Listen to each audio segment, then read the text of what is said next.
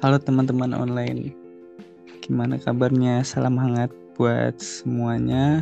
Semoga sehat selalu dan damai selalu buat teman-teman.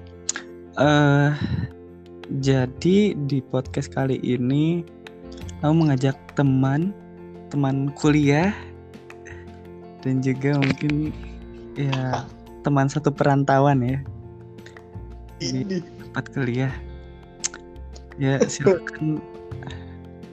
Bapak memperkenalkan diri. Eh memperkenalkan diri. Udah gitulah. Pokoknya kita di sini mengalir aja ya. Oke silakan. Bapak Hilman. Gimana? Siar. Jangan nyebut gua bapak anjing. Ngerasa tua banget anjing gua. Iya, iya. kabar lu, Ple? Duh, baik baik. Ya, maaf ya. Jadi di sini tuh eh, sedikit menyesuaikan ya kalau di podcast sebelumnya itu lebih ke aku gitu ya, aku. Karena kan kemarin juga sempat bilang di podcast sebelumnya kalau bakal ngajak temen dan mungkin bahasanya lebih menyesuaikan aja gitu ya. Karena di sini lo gue ya udahlah gitu sikat aja bos ya kabar kabar baik alhamdulillah insya Allah baik aja gimana men kabarnya men Gua ya. Hmm. Kalau gua sih baik sih, Ple. Alhamdulillah. Gua kedengeran gak nih? aduh agak putus-putus gimana gimana Alhamdulillah sih, Ple. Kabar gua baik. Ini kedengeran gak anjay? kedengeran kedengeran aman aman Ya, alhamdulillah kabar gua baik, Ple. Cuman ya jujur aja sih di keadaan sekarang nih. Mungkin setiap daerah kayaknya emang wajar ya corona makin naik ya akhir-akhir ini.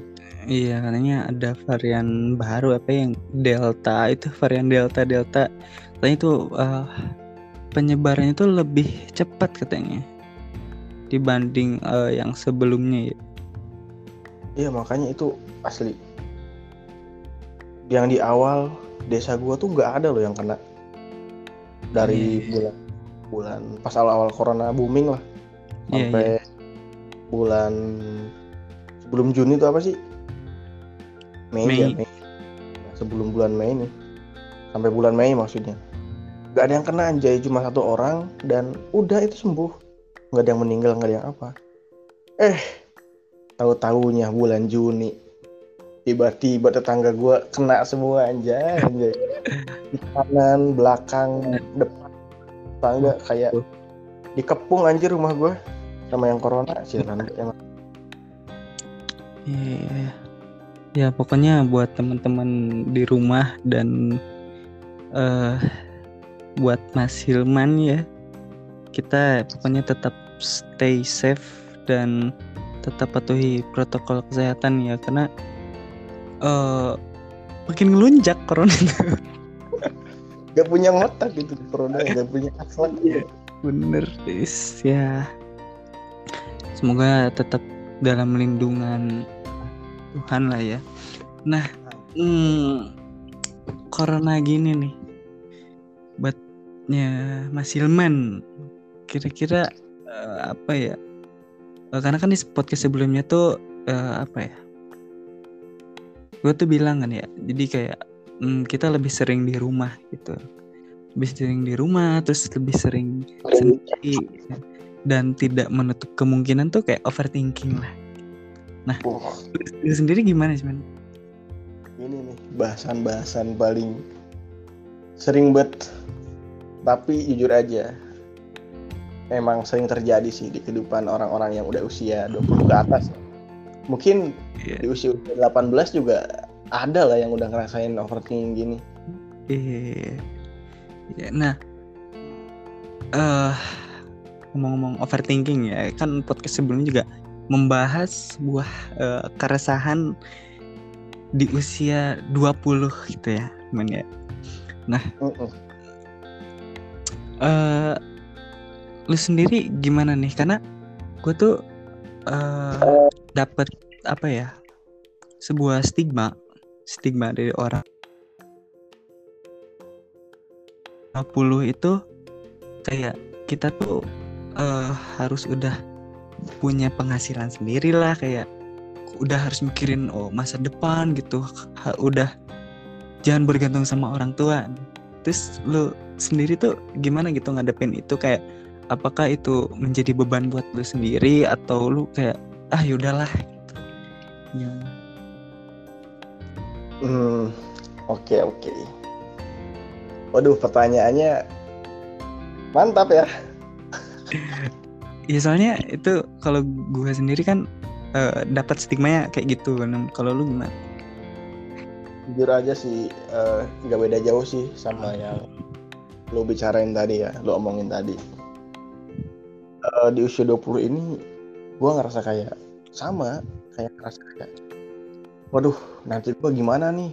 Jujur aja, gua tuh sekarang tuh bukan mikirin skripsi gimana, tapi gua lebih mikirin abis skripsi gue bakal ngapain gitu loh. Iya, iya. ya gue kayak waduh Indonesia sekarang kan kayak anjir banyak utang lah banyak apalah. Makin anjur loh sumpah. Kayak makin anjur banget gitu loh. Eh, yang di uang kerja juga. Mau jadi PNS susahnya minta ampun anjir. Tesnya juga aduh gue udah kayak pesimis duluan gitu loh. Mm, jujur aja gua di usia sekarang nih kayak udah kayak mikir nanti gua nikah gimana? Nanti gue seandainya abis nikah gua ngasih makan anak-anakku pakai apa istri gue pakai apa jujur aja gue udah kepikiran kayak gitu sih ple. Mm, pekerjaan kan wah itu hal yang memang sangat apa ya yang sangat sensitif banget gitu loh kalau di apa bukan sensitif sih kayak eh, apa ya sering banget terpikirkan gitu loh. Iya iya. sekarang tuh gitu loh sebenarnya gue kepikiran tuh gara-gara ini loh gara-gara ada kejadian juga sih. Ya bisa dibilang gue bang gue kan sekarang tuh lulus ya kemarin tahun kemarin udah lulus. Dan lulus itu ya itu muncul corona. Gara-gara corona akhirnya kan pekerjaan eh bukan pekerjaan sih. Kayak pencarian kerja gitu. Loh Iya. pencarian kerja tuh makin terhambat gitu kan akhirnya ya itu abang gua tuh jadi nganggur dulu gimana gimana dulu gitu loh. Malah ibaratnya kayak aduh lulusan sarjana kok malah nganggur gitu. Loh. akhirnya gua di situ ngerasa kayak anjir nah, abang gua aja yang lulusan kedinasan gitu loh. Yang dibilangnya gampang gampang bakal nyari eh, gampang nyari kerja gitu loh. Akhirnya kayak gini gitu loh di masa-masa pandemi kayak gini susah nyari kerja gitu loh. apalagi gua lulusan BK nanti. Belum tentu gua juga bakal dapetnya cum laude gitu loh. Mm-mm. nanti gua abis lulus gimana gitu loh nyari kerjanya di mana? Di sekolah anjay. Masa di sekolah sih? Tapi ya gimana lagi susah pas di sekolah ya kebanyakannya di sekolah gitu loh. Iya. kayak aduh. Dengan pelajaran yang sekarang aja gua ngerasa kayak anjir Bingung ya, maksudnya apa Iya. ya? salah penalarannya itu Heeh, loh heeh. Iya iya. Penalaran. Nah, gini Kayak- Ple, gimana gimana? gue kan udah mikir kalau mata kuliahnya tuh susah gitu loh. Iya. Gue mikir lagi, nanti gue mengimplementasikan ilmu gue tuh gimana gitu loh. Sementara gue aja materi kuliah itu mengawang-awang gitu loh. Anjir ini gue paham enggak? Kayak pendekatan humanistik, pendekatan behavioristik, apalah gue itu kayak anjir. Meledak nih gue mikir Iya Dan- sih. berakhirnya gara-gara mikirin pekerjaan, gara-gara mikirin hal ya kayaknya emang masa-masa dewasa tuh kayak gitu ya, dewasa awal ya. Iya benar. Jadi overthinking gitu loh akhirnya. Iya iya. Apalagi Tapi- sekarang di organisasi Iya iya. Iya. Tapi gini men, eh lu gimana ya maksudnya? punya temen gak kayak lu pernah mikir eh kok gue usia 20 ini tuh gak kayak dia ya misalnya kayak lu tuh punya temen yang udah punya usia 20 tuh kayak udah punya penghasilan sendiri udah kayak bisa apa ya cari kerja sendiri gitu lu pernah ngerasa anjir kok gue tuh kayak belum bisa dapet ini ya kok gue belum bisa ngelakuin ini ya itu pernah ngerasa di titik itu nggak sih Wih, kalau itu pasti udah pernah sih, Play. Itu malah gua ngerasain sebelum gua kuliah juga sih, Play.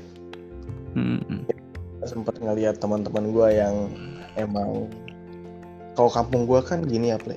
Lulusan SMA tuh udah langsung kerja oh iya dan mereka itu kerjanya itu bermasa-masa ada yang serabutan, ada yang kerjanya di sawah, ada yang kerjanya di ibu kota gitu.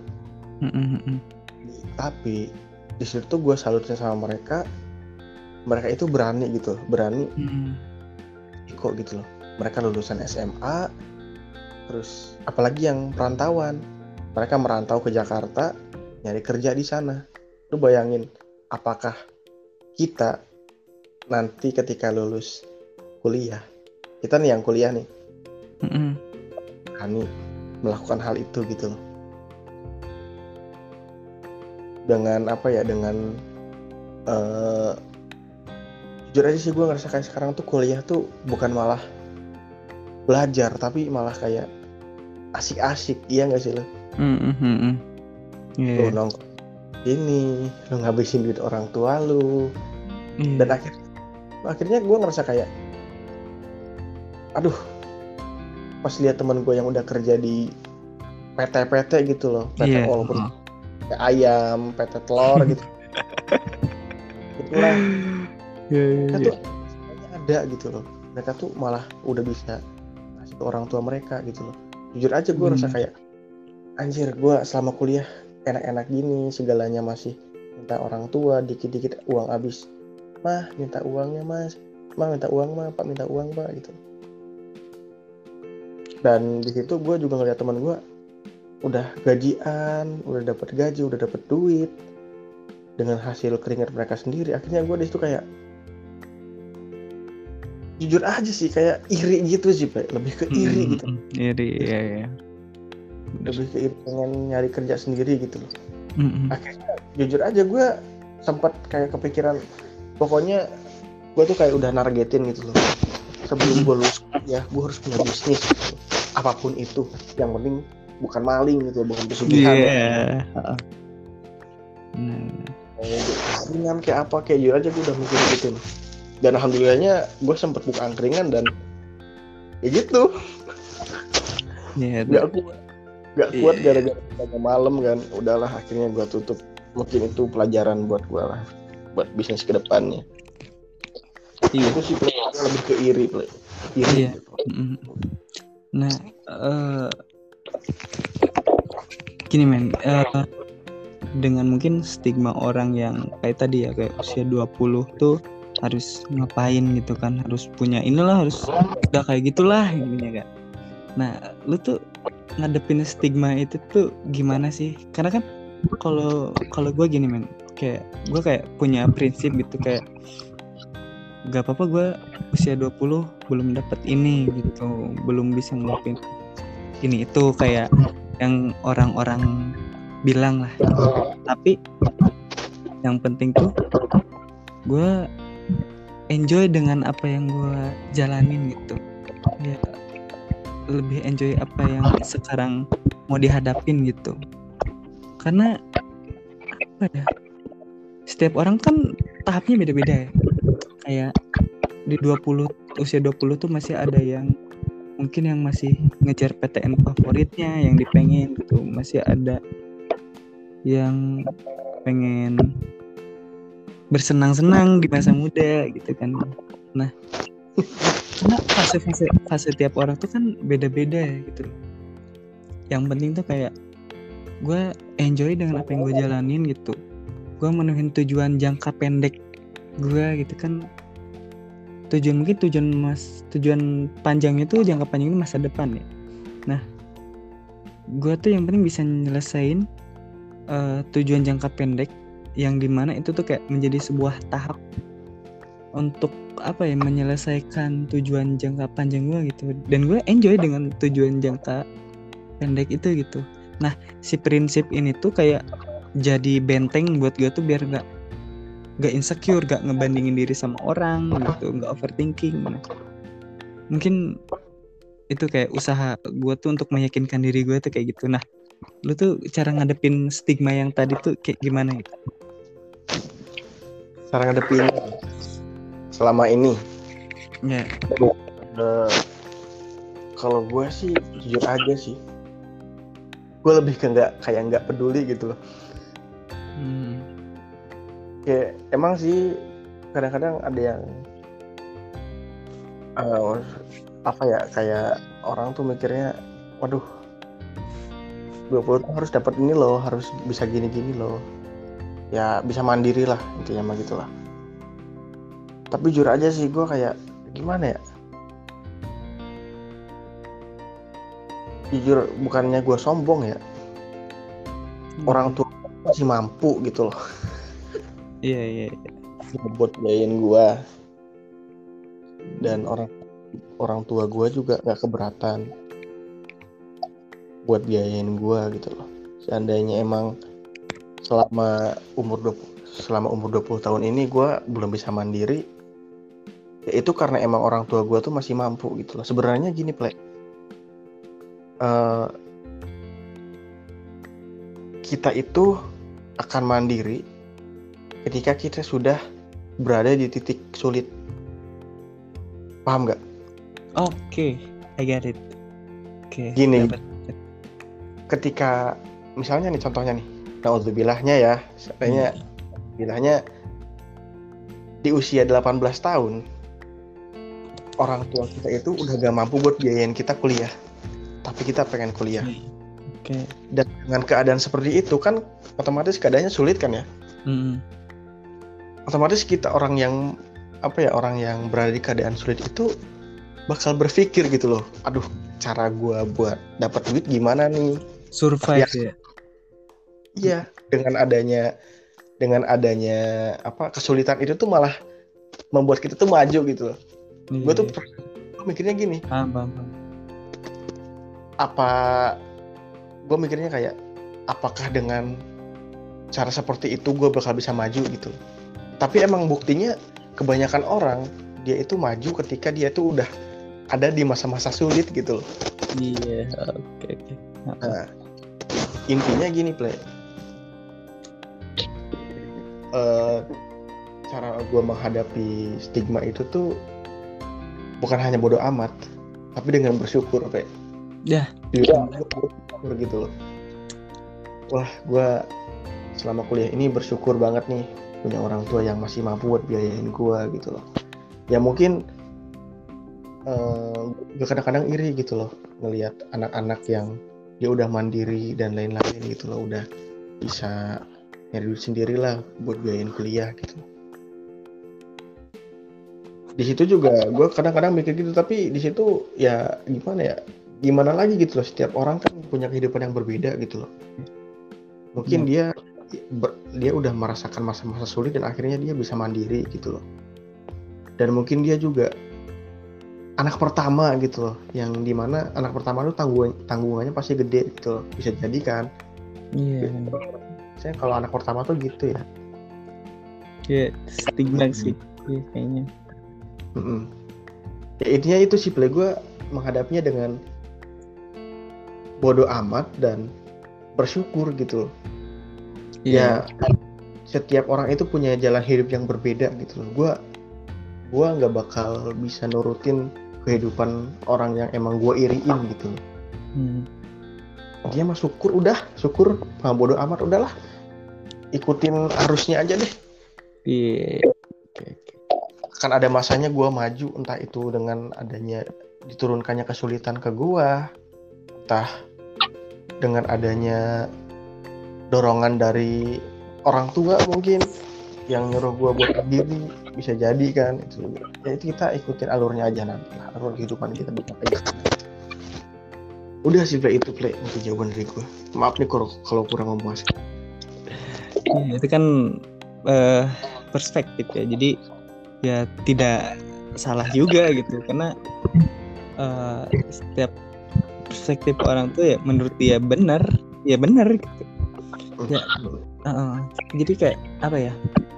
Kayak yang tadi gue bilang kayak uh, setiap orang tuh tahapnya beda fasenya beda. Kayak tadi lu bilang juga kan kayak ada yang di 18 tahun itu yang apa ya namanya?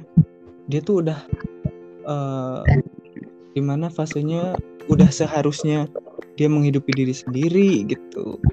Hmm. kayak amit amitnya kayak uh, orang tuanya udah nggak mampu.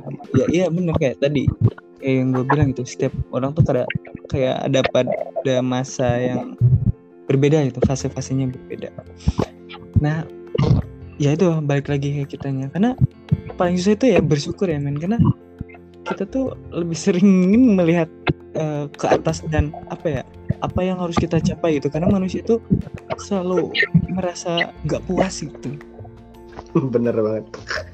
Kayak kita udah mencapai ini kayak kayaknya ada sesuatu yang harus kita capai lagi gitu. sampai kita tuh lupa kayak uh, bahwa di bawah tuh masih apa ya masih yang masih banyak yang harus kita syukurin gitu. Itu betul banget dan lu tahu ya. pe contohnya gini. Yang gue alami nih yang tadi lu bilang. Manusia itu nggak pernah bersyukur ya. Iya itu susulnya itu di situ. Sulitnya tuh di situnya sih. Ya jujur aja gue nih HP nih. Udah dapet RAM 8 giga.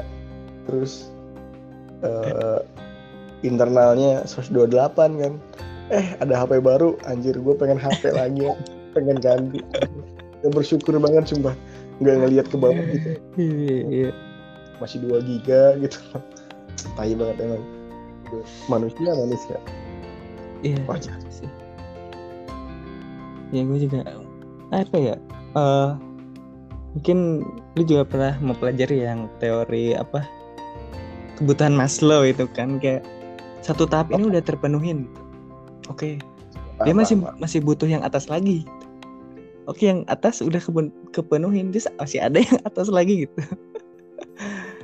Itu ya itu intinya masih udah rasa kurang puas ya. Mungkin di situ sih manusia ya kurang mungkin agak susah ya untuk bersyukur gitu. Karena emang itu menurut gue itu sih yang paling susah tuh ya bersyukur. Butuh latihan. Iya butuh latihan. Ya mungkin buat pesan ya pesan di podcast kali ini. Buat teman-teman ya intinya kayak kurang lebih sama lah kayak di podcast sebelumnya. Intinya uh, lebih enjoy apa yang kalian jalani saat ini nikmati aja kayak prosesnya. Uh, banyakin bersyukur karena dengan bersyukur itu kayak apa ya lebih ya itu balik lagi yang tadi merasa lebih enjoy aja gitu ngejalanin jadi kayak Betul banget. terlalu berat gitu apa yang lo hadapi itu sebenarnya tuh nggak berat gitu loh. Nggak seperti apa yang lo pikirin. Kayak ya itu mungkin apakah ada pesan lain nggak gitu buat yang mendengarkan podcast ini gitu? Bacotan-bacotan ini. Gue sih ini sih Ble uh, masa-masanya usia 20 kan biasanya emang kebanyakan overthinking ya iya benar benar soalnya kan emang dewasa awal kan ya di masa dewasa awal ini kita itu pasti selalu memikirkan suatu hal yang emang jadi pikiran gitu loh beda mm-hmm. ketika kita mm-hmm. pas pas kecil kan pas kalau pas kecil tuh kayak lu nggak punya duit aja udah bodo amat gitu loh yeah, masih yeah. bisa tapi ketika di usia 20 ini walaupun emang lu masih dibiayain sama orang tua tapi di situ, pasti lu ngerasa kayak aduh gue gak punya duit nih kita tuh gak bisa langsung minta ke orang tua gitu loh mm-hmm. pasti ada rasa gak enakan gitu kan iya iya Nah, itu pun pasti jadi pikiran buat kita kan. Makanya sering terjadi hal yang namanya overthinking lah. Nah, pesan gue sih gini. Untuk teman-teman 20 nih. Eh, teman-teman 20 lagi. Kan yang usia usianya 20 Oke. usia 20 nggak mau sama lu sih play ya kayak ibaratnya kayak perbanyak bersyukur lu udah kayak lu udah dikasih kehidupan seperti ini gitu loh dan kurang-kurangin ini memikirkan suatu hal yang emang belum terjadi gitu loh Iya. apalagi itu halnya itu hal yang buruk gitu loh Iya. kayak apa ya ya suatu hal yang buruk tuh kayak wah gue kira-kira bisa ini enggak ya bisa sukses enggak ya di masa depan gitu loh Hmm, benar-benar. kita belum tahu gitu loh kita belum tahu suatu hal itu terjadi apa enggak gitu loh tapi kita udah mikirin hal itu gitu loh Iya. dan sampai itulah jangan sampai banyak-banyakin mikirin kayak gitu malah malah hal kayak gitu tuh ngebuat kita jadi overthinking banget gitu loh Capek sendiri ya. capek sendiri anjir padahal kita itu saat-saat ini tuh kalau kata ini ya kalau kata konselingnya postmodern yang di mana mereka itu lebih ke here and now kalau nggak salah Oh Kan iya. ya sih konseling humanistik lah pendekatan humanistik Iya benar. Ini and now kita itu lakukan hal yang emang ada di saat ini gitu loh bukan hal yang ada di masa depan ataupun di benar benar. benar. apa ataupun yang di belakangnya gitu loh. Iya. Kita lakukan saat ini untuk masa depan, bukan masa depan untuk saat ini gitu loh. Intinya Hmm. mah gitu. Itu sih. Lu jangan banyak-banyak overthinking dah pokoknya. Tapi Iya. emang susah. Iya, emang emang kadang gitu sih. Ya. Gua tuh bilang gua tuh bilang ini bukan berarti gua bisa. ini juga buat penyemangat gua gitu loh. Supaya jangan Iya. banyak-banyak. Udahlah, nggak usah mikirin aneh-aneh. Kayak benteng ya, kayak benteng buat diri sendiri ya. Iya bener banget kayak buat benteng buat diri sendiri malah kayak gitu. Udahlah lu sekarang mah waktunya lu belajar yang benar. Lu asik-asikan juga tapi jangan sampai asik-asikan buat belajar lu hilang gitu loh, buat belajar lu terlena gitu loh. Ya ikutin alir aliran air lah kehidupan lu bakal kayak gimana nanti. Oke, oke. Mantep. Eh, bentar satu lagi. Tapi lu jangan Gimana? sama sama cita-cita. Lu harus punya cita-cita, cuy. Lu harus punya mimpi juga. Bukan Hmm. berarti lu cuma ngikutin arus kehidupan lu doang, tapi lu juga harus punya Tujuan. Bener. mau ngikutin arus tujuannya tai. Wah,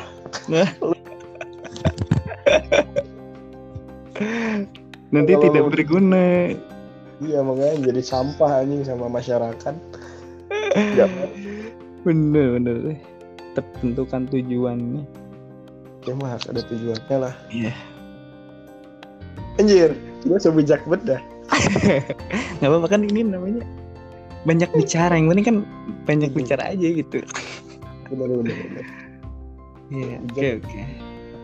Ternyata eh, pada podcast kali ini cukup lebih seru ya karena eh, kita lebih bertukar apa ya perspektif masing-masing ya, iya bertukar pikiran.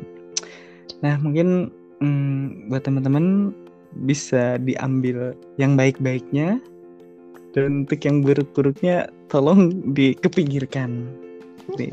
Apalagi bahasa yang gak jelas tadi ya. iya. Anjir, anjir, tai lah, udahlah. Udah deh gue usah dipikirin.